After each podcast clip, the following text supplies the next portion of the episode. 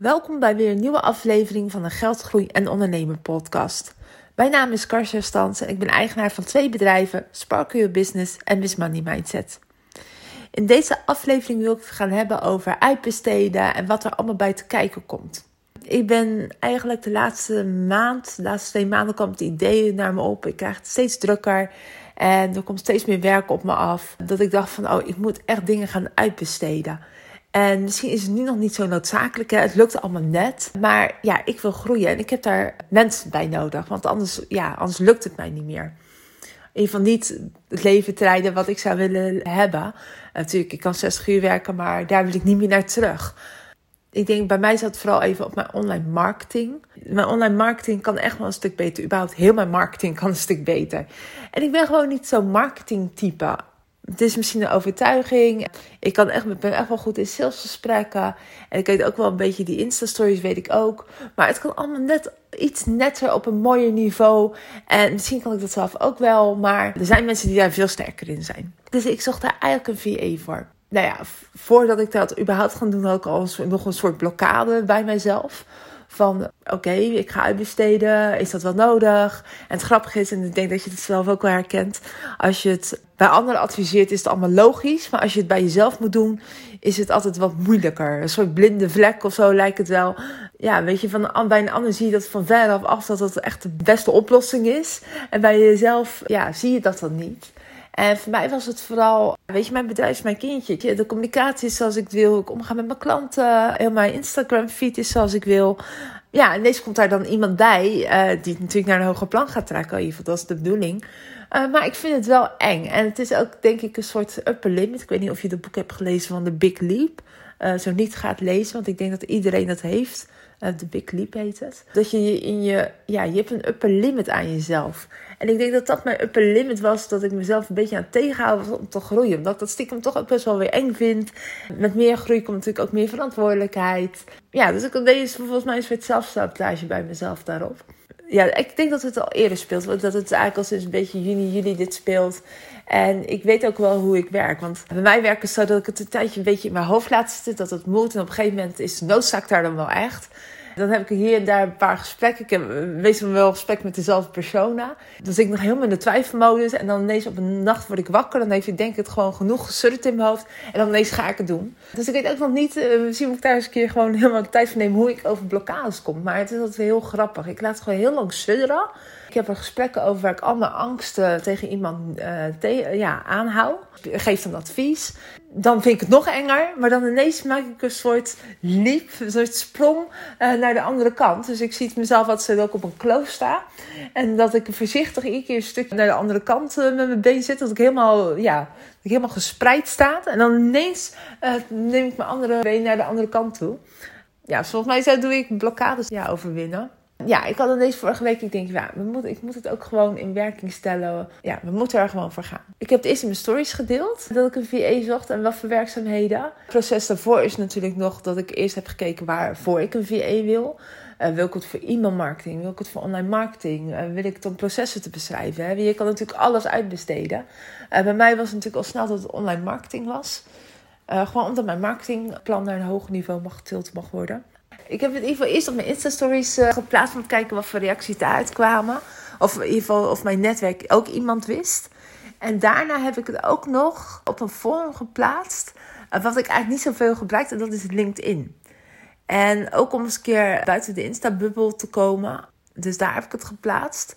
En het is ook heel grappig wie daar op reageert, omdat ik daar niet zoveel plaats. Maar juist mensen die je dan totaal niet kent, uh, reageren dan met tekst van: oh, die en die is goed en die is die is goed. Daarnaast heb ik het op zich kwam niet aan mijn Insta-stories, kwam niet heel veel uit mijn LinkedIn, kwamen wel veel reacties.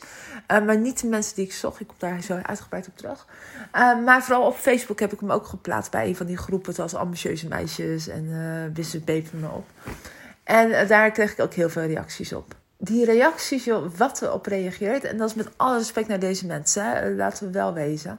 Maar je ziet ook wel dat, ik denk dat het daardoor ook komt. Uh, mensen zijn op zoek naar werk. En dat is natuurlijk niet zo heel raar. Maar ik denk dat daar ook wel de coronacrisis in meespeelt. Maar wat ze erop reageerde, hè, dat was natuurlijk ook een beetje mijn ding. ik had iemand, nou, mijn advertentie bestond uit content marketing, uh, ja, mijn Insta-feed uh, verzorgen. Daarna gewoon ook nog teksten schrijven en Facebook ads. En ik had erbij geschreven, ja, ik begrijp dat het niet één persoon kan zijn. Dat is natuurlijk altijd een ding. Meestal, dus als Facebook ads is echt wel specialisaties, mogen ook meerdere zijn. Maar ik kreeg dus inderdaad van, op mijn e-mail, want ik had ook gezegd, je moet me e-mailen. Ik vind dat heel fijn, weet je, anders krijg je allemaal van DM's. Oh ja, die en die is goed. Of oh ja, je kan je helpen. En dat klinkt misschien heel raar, maar ik wil dat, wel, dat er een soort van effort wordt gedaan om te kijken hoe serieus je bent. Ik vind het ook wel grappig hoe dat werkt. Hè? Als ik in een oproep zet, e-mail me, dat mensen dan toch nog gaan reageren eronder. Of dat mensen dan toch een DM sturen. Dan denk ik, oh, dan, ja, weet je, weet je niet. En ik, ben daar, ik, ben, ik heb al gemerkt dat ik echt super streng ben in personeel. Omdat ik ja, zelf wel veel kwaliteit leef. En ik wil ook dat dat um, VA's doen. Hè. VA's moeten mij ontlasten. Ja, ik weet niet, ik ben daar heel streng in. Mensen moeten gewoon een e-mail schrijven met wat ze doen. Met wat ze doen in een. En ook al is het alleen maar hoi, het is mijn website en kan je helpen. Dan lijkt het toch wel of een soort effort al is gedaan om met mij, uh, ja... Ik weet niet, ik heb daar een soort rare voorkeur voor ja, ik denk dat ik wil, uh, wil dat, mensen serie, uh, dat mensen serieus zijn. Dat ze meer effort doen. Dat ze, hey, ik heb jouw berichtje echt gelezen. En ik wil ook echt, ik heb je site bekeken. Ik wil ook echt met je samenwerken. In plaats van alleen maar zo'n DM'tje te plaatsen. Van, hey, ja, ik kan je helpen. En dat ik dan, ja, ik denk dat dat het is. Maar goed, ik krijg dus echt best wel veel e-mails met ook hele cv's erbij. En ook soort sollicitatiebrieven. En ik vond het wel heel mooi, want het, ja, uh, ik vond me ook ineens een heel professioneel bedrijf. Weet je, een beetje next level ondernemen. Ja, daar zaten diverse dingen in. En ik vind het wel grappig. En nogmaals, met alle respect naar alle mensen die doen. Maar wat je soms ziet, is dat mensen dan, als ik vraag om social marketing. Uh, en ik kijk op mijn eigen Insta-profiel, dan hebben ze 12 volgers. En het is natuurlijk helemaal goed als je een beginneling bent. Maar voor mij was dat al een soort van: oké, nou dan ga ik denk ik niet met jou in zee als je zelf maar 12 volgers hebt ja, practice what you preach. Dat heb ik ook altijd. Weet je, er zijn zoveel VA's nu uh, die door, helaas door corona, de, ja, denken ook, vind Insta ook wel leuk. Laat ik me daarvoor aanmelden. Dus dat was één ding, hè, van, van, joh, je zegt dat je mij wil helpen, maar je hebt zelfs geen sales funnel. Je hebt zelf geen goede Instagram feed en weinig volgers. Dus waarom zou je bij mij dan het naar een hoger niveau kunnen brengen? En ook de tarieven. Ik heb daar ook al in mijn stories ook over gehad. Die tarieven, echt waar. Volgens mij is gemiddeld zo'n beetje zonder ervaring. Uh, begint een beetje bij 35 euro. Ja, volgens mij het duurste wat ik heb gezien van een goede VA is rond de 60 euro. En ik ken ook hele goede VA's die rond de 65 euro vragen. Maar ik heb serieus waar echt berichten gehad van mensen die gewoon 85, 75 euro vroegen. Dat ze zonder ervaring hadden.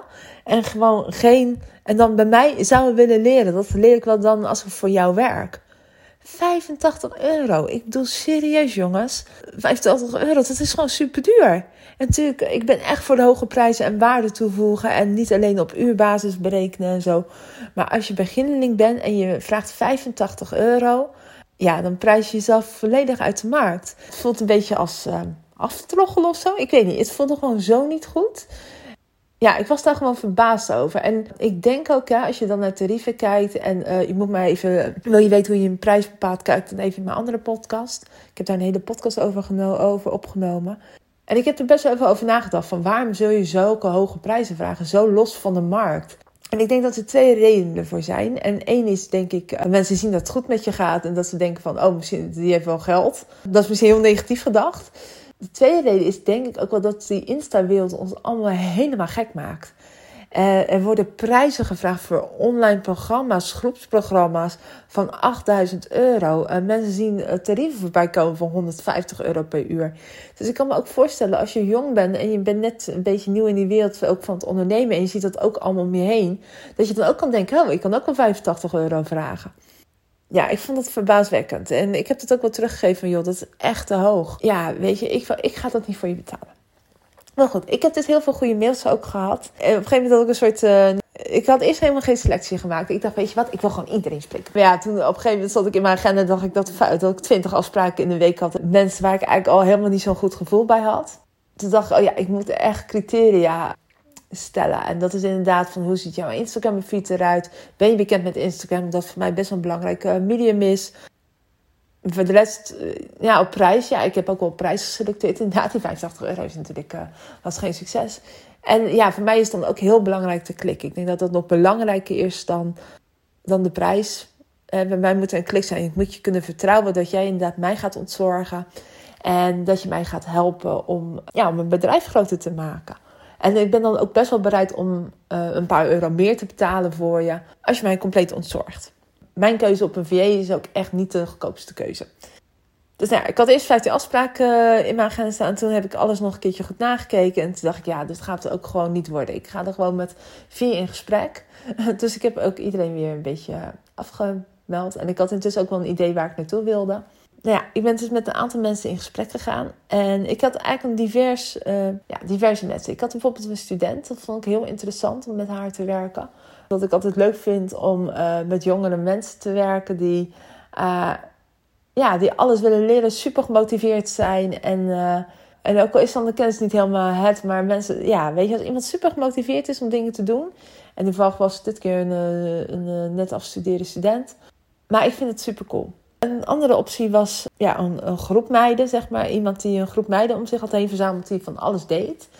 En de derde optie was gewoon een VA die heel goed in marketing was. Ja, het is eigenlijk gewoon op basis van een klik gegaan en wat iemand kon betekenen voor mij. Uh, ook qua prijs. En ik ben uiteindelijk toch gegaan voor iemand die ervaring had. Ook bij één persoon. Uh, en ook gewoon omdat die klikker was. En ik kan die klik nooit uitleggen. Weet je, het is inderdaad op basis van vertrouwen. Maar ook dat het gewoon gezellig is. En uh, ja, voor mij is gezelligheid wel gewoon een belangrijk punt. Weet je, ik moet gewoon zin hebben om iemand te spreken. Om het, en natuurlijk het vertrouwen dat iemand dat ook op mijn marketingplan op hoog niveau kan brengen. Dus mijn keuze is gemaakt. Maar er speelde op dat moment ook nog wat anders, ook op haar R-gebied. Ik kreeg namelijk een berichtje via LinkedIn dat iemand, iemand reageerde op mij. Die deed een opleiding voor VA. En zij bood aan om ja, stage bij mij te lopen. Tegen bijna geen vergoeding. En eigenlijk gewoon gratis. En dat klinkt natuurlijk super interessant. Dus ik heb met haar best wel een hele conversatie toen gehad. En we hebben elkaar ook ontmoet. Nou, die hele conversatie vond vrijdag plaats. Gewoon via de, via de mail. Wat zei, het, klonk, het klinkt heel interessant. Iemand wil gratis jouw bedrijf helpen om ervaring op te doen. En sowieso heb ik al iets met gratis waar ik denk van... Ah, ik weet niet. Ik vind gratis vind ik überhaupt gewoon voor mezelf niet fijn om ja, mensen voor niks aan het werk te zitten. Hoewel het voor als werkgever natuurlijk super aantrekkelijk klinkt, was bij mij een beetje morele bezwaren. En ik heb daar ook wel mee van het weekend ook mee lopen. Um, dat, het is best wel een onderwerp geweest. Überhaupt heel die VA-business is heel mijn personeel was heel het weekend uh, was dat best wel in de aandacht bij mij. Ook van de keuze van de VA. Maar ook, ja, weet je, ik kreeg ook ineens iemand die gratis wilde werken voor mij. Uh, wat kan zij dan betekenen? Moet ik dan nog steeds een VA hebben en al? Dus ik ben daar van het weekend best wel mee bezig geweest. Van, joh, wat is nou goed voor mijn bedrijf? Hoe ik dan werk, ik, ik heb heel mijn whiteboard gebruikt met alle verschillende namen. Alle plusjes en minnetjes. Nou, voor mijn VA kom ik echt al gewoon uh, snel achter van ja, ik moet niet iemand onervaren hebben. Ik moet gewoon iemand die ervaring heeft en die het gelijk van mij kan oppikken. Ik heb het best druk in de, in de maanden. Uh, januari en februari zijn altijd drukke maanden voor mij met de jaarafsluiting en zo. Ik heb gewoon iemand nodig die dat gewoon feilloos kan doen en die expertise heeft en er gewoon voor gaat. Dus mijn keuze voor mijn VE was, en ik heb nou even gemediteerd en gevoeld en gedaan ja, ik kwam maar heel snel achter bij mijn huidige VE waar, waar ik niet die keuze heb gemaakt. Maar ja, ik kan natuurlijk ook die gratis, uh, ja, gratis de zaakjes stagiaire. En ik vind, het, ik vind het wel mooi. En daarvoor was ik ook zo uh, eigenlijk een beetje weg van die student. Ik vind het mooi om mensen op te leiden. Om mensen te leren wat ik heb geleerd. Uh, om mensen te helpen ondernemer te worden. Ik krijg er energie van. Ik vind dat leuk. Dat vind ik ook leuk in mijn huidige werk. Hè, dat ik mensen een beetje meeneem. Ja, ook qua finance wat ze kunnen leren. Maar ook qua business coaching. Weet je. Ik heb natuurlijk een hele reis gemaakt de afgelopen jaar. Ik heb binnen, ja, binnen een jaar gewoon een heel succesvol bedrijf.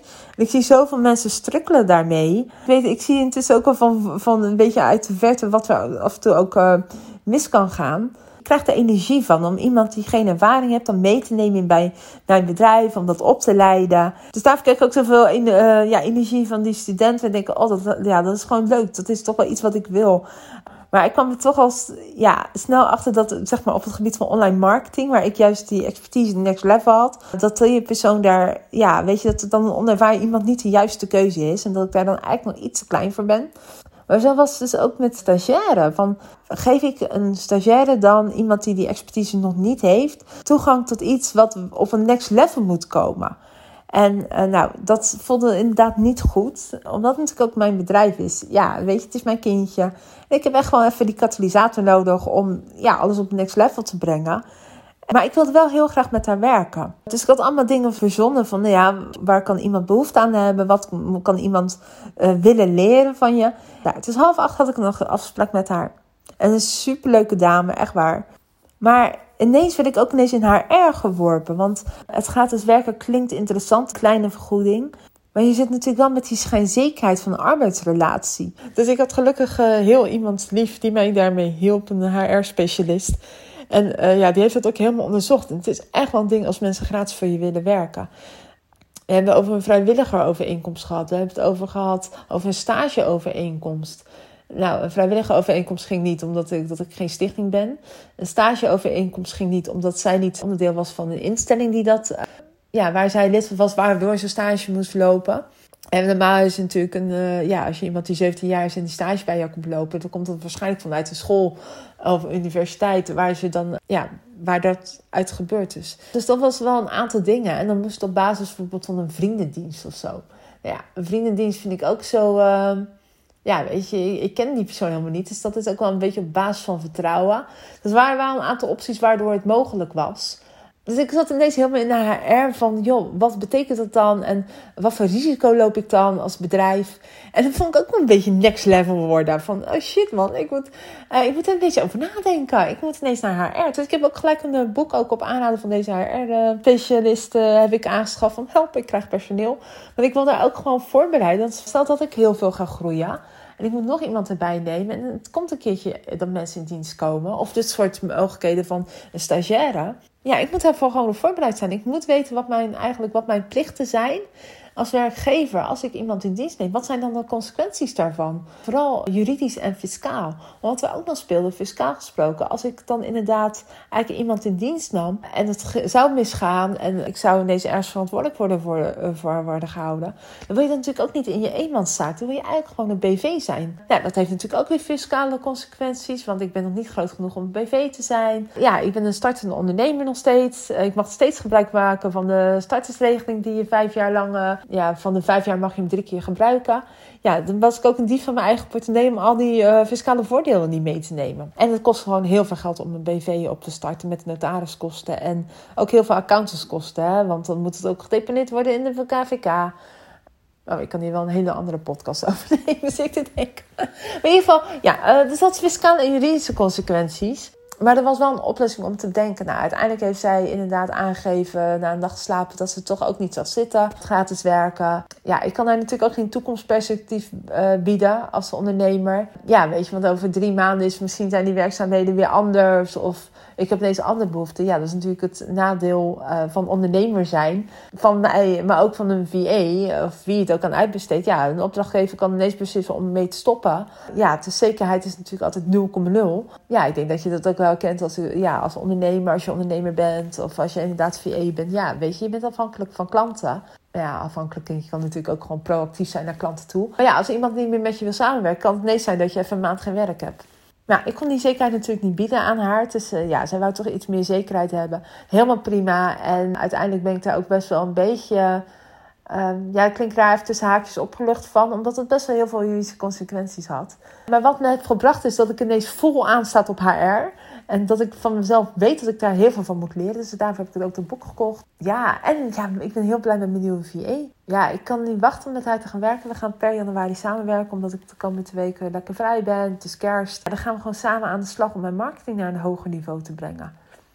En uh, ja, ja, ik heb zo'n zin in het nieuwe jaar. Ja, dat was het eigenlijk. Ja, een lange podcast over personeel. Ja, ik denk als je er zelf over twijfelt, inderdaad, ga... Uh, als je ook tegen die blokkade oploopt waar ik tegenaan liep, van ja, ga even gewoon even kijken waar die blokkade dan zit. Hè? Want meestal ben je gewoon zelf aan het saboteren. En uh, ja, denk ook goed wie bij je past, wat bij je past. Ja, daarna gewoon doen. Dankjewel voor het luisteren en uh, ja, een fijne dag.